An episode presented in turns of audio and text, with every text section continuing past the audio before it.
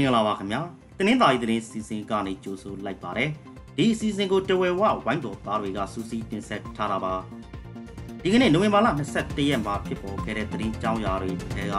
ပထမဆုံးအနေနဲ့တင်ဆက်ပေးချင်တာကတော့ဘိုးစာထီမှန်လို့စိတ်ကူးကနေရတဲ့သူတွေဖန်ဆီးခံလိုက်ရတဲ့သတင်းပဲဖြစ်ပါတယ်ဘိုးစာထီမှန်လို့စိတ်ကူးခံနေရတဲ့လင်မယား2ဦးအနက်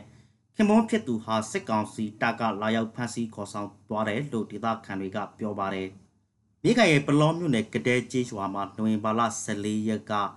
ဂျုံနဲ့ဘုတ်ချခဲ့တာကြောင့်အဲ့ဒီလင်မယားနှစ်ဦးဘုတ်စာထိမှန်ခဲ့ပြီးဆေးရုံမှာကုသနေရတာဖြစ်ပါတယ်။အဲ့ဒီလိုဆေးကုသနေရတဲ့အချိန်မှာပဲခင်မွန်းဖြစ်သူကိုပလောဆေးရုံပေါ်မှာစစ်ကောင်စီကလာရောက်ဖမ်းဆီးသွားတာဖြစ်တယ်လို့ဒေသခံတွေကပြောပါတယ်။ ဘာကြောင့်လာဖမ်းတယ်ဆိုတာနဲ့ပင်နေရာကိုဖမ်းဆီးသွားတယ်ဆိုတာကိုတော့မသိရဘူးလို့ဆိုပါတယ်။နောက်ထပ်ပြောပြပေးမှာကတော့လောင်းလိုမျိုးတွေကလူငယ်နှစ်ဦးပြက်ခတ်ခံရလို့တေဆိုးသွားတဲ့အကြောင်းပါ။လောင်းလိုမျိုးဆေးရုံအနီးမှာနိုဝင်ဘာလ20ရက်ကလူငယ်အမျိုးသားနှစ်ဦးတနတ်နဲ့ပြက်ခတ်ခံရလို့တေဆိုးသွားခဲ့ပါတယ်။လူငယ်နှစ်ဦးမောင်းနေလာတဲ့စိုက်ကယ်ကိုကင်းလှည့်နေတဲ့စစ်ကောင်စီတပ်ကရတတ်ဖို့ပြောရမှာမောင်းတီးခဲ့တာကြောင့်တနတ်နဲ့လိုက်လံပြစ်ခတ်ခဲ့တာလို့ဒေသခံတွေကပြောပါတယ်။ အဲ့ဒီပြစ်ခတ်မှုမှာ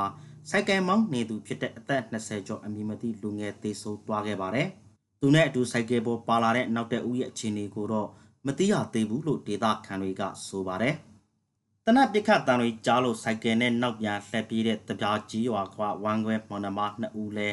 ကြည်စံထိမှန်ခဲ့တယ်လို့ဆိုပါတယ်။သူတို့နှစ်ဦးထဲက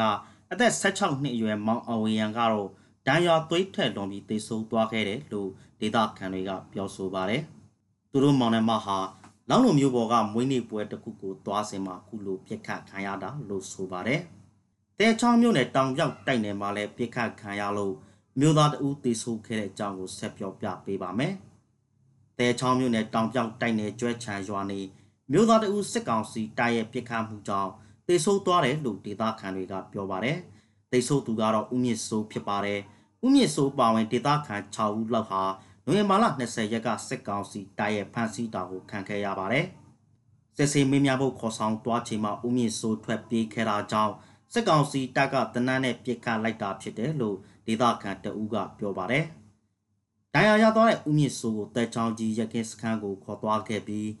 ရက်စခန်းအရောက်မှာတိတ်ဆိုးသွားတာဖြစ်တယ်လို့ပြန်လို့လာသူတွေရဲ့ပြောပြချက်ကိုအခြေခံပြီးအဲ့ဒီဒေတာခံကပြောဆိုခဲ့တာပါ။ ဦးမြင့်စိုးနဲ့အတူဖမ်းခံရသူတွေကိုတော့ပြန်လှော့ပေးခဲ့တယ်လို့ဆိုပါတယ်။အခုတခါစီးပွားရေးသတင်းအနေနဲ့မြင်းမြို့မှာရောဘာဈေးဆက်တိုက်ကျဆင်းနေတဲ့အကြောင်းကိုတင်ဆက်ပေးပါမယ်။မြင်းမြို့ရောဘာရာသီစဖွင့်ချေစတင်ပါလာကရောဘာမိုက်ကန်ရောဘာတပိတ်သား9500ကျားလောက်ရခဲ့တာပါ။ဒါပေမဲ့နောက်ပိုင်းမှာ9000ကျပ်အဲ့ဒီကနေ4500အထိအစင်းစင်းဈေးကျသွားခဲ့ပါတယ်။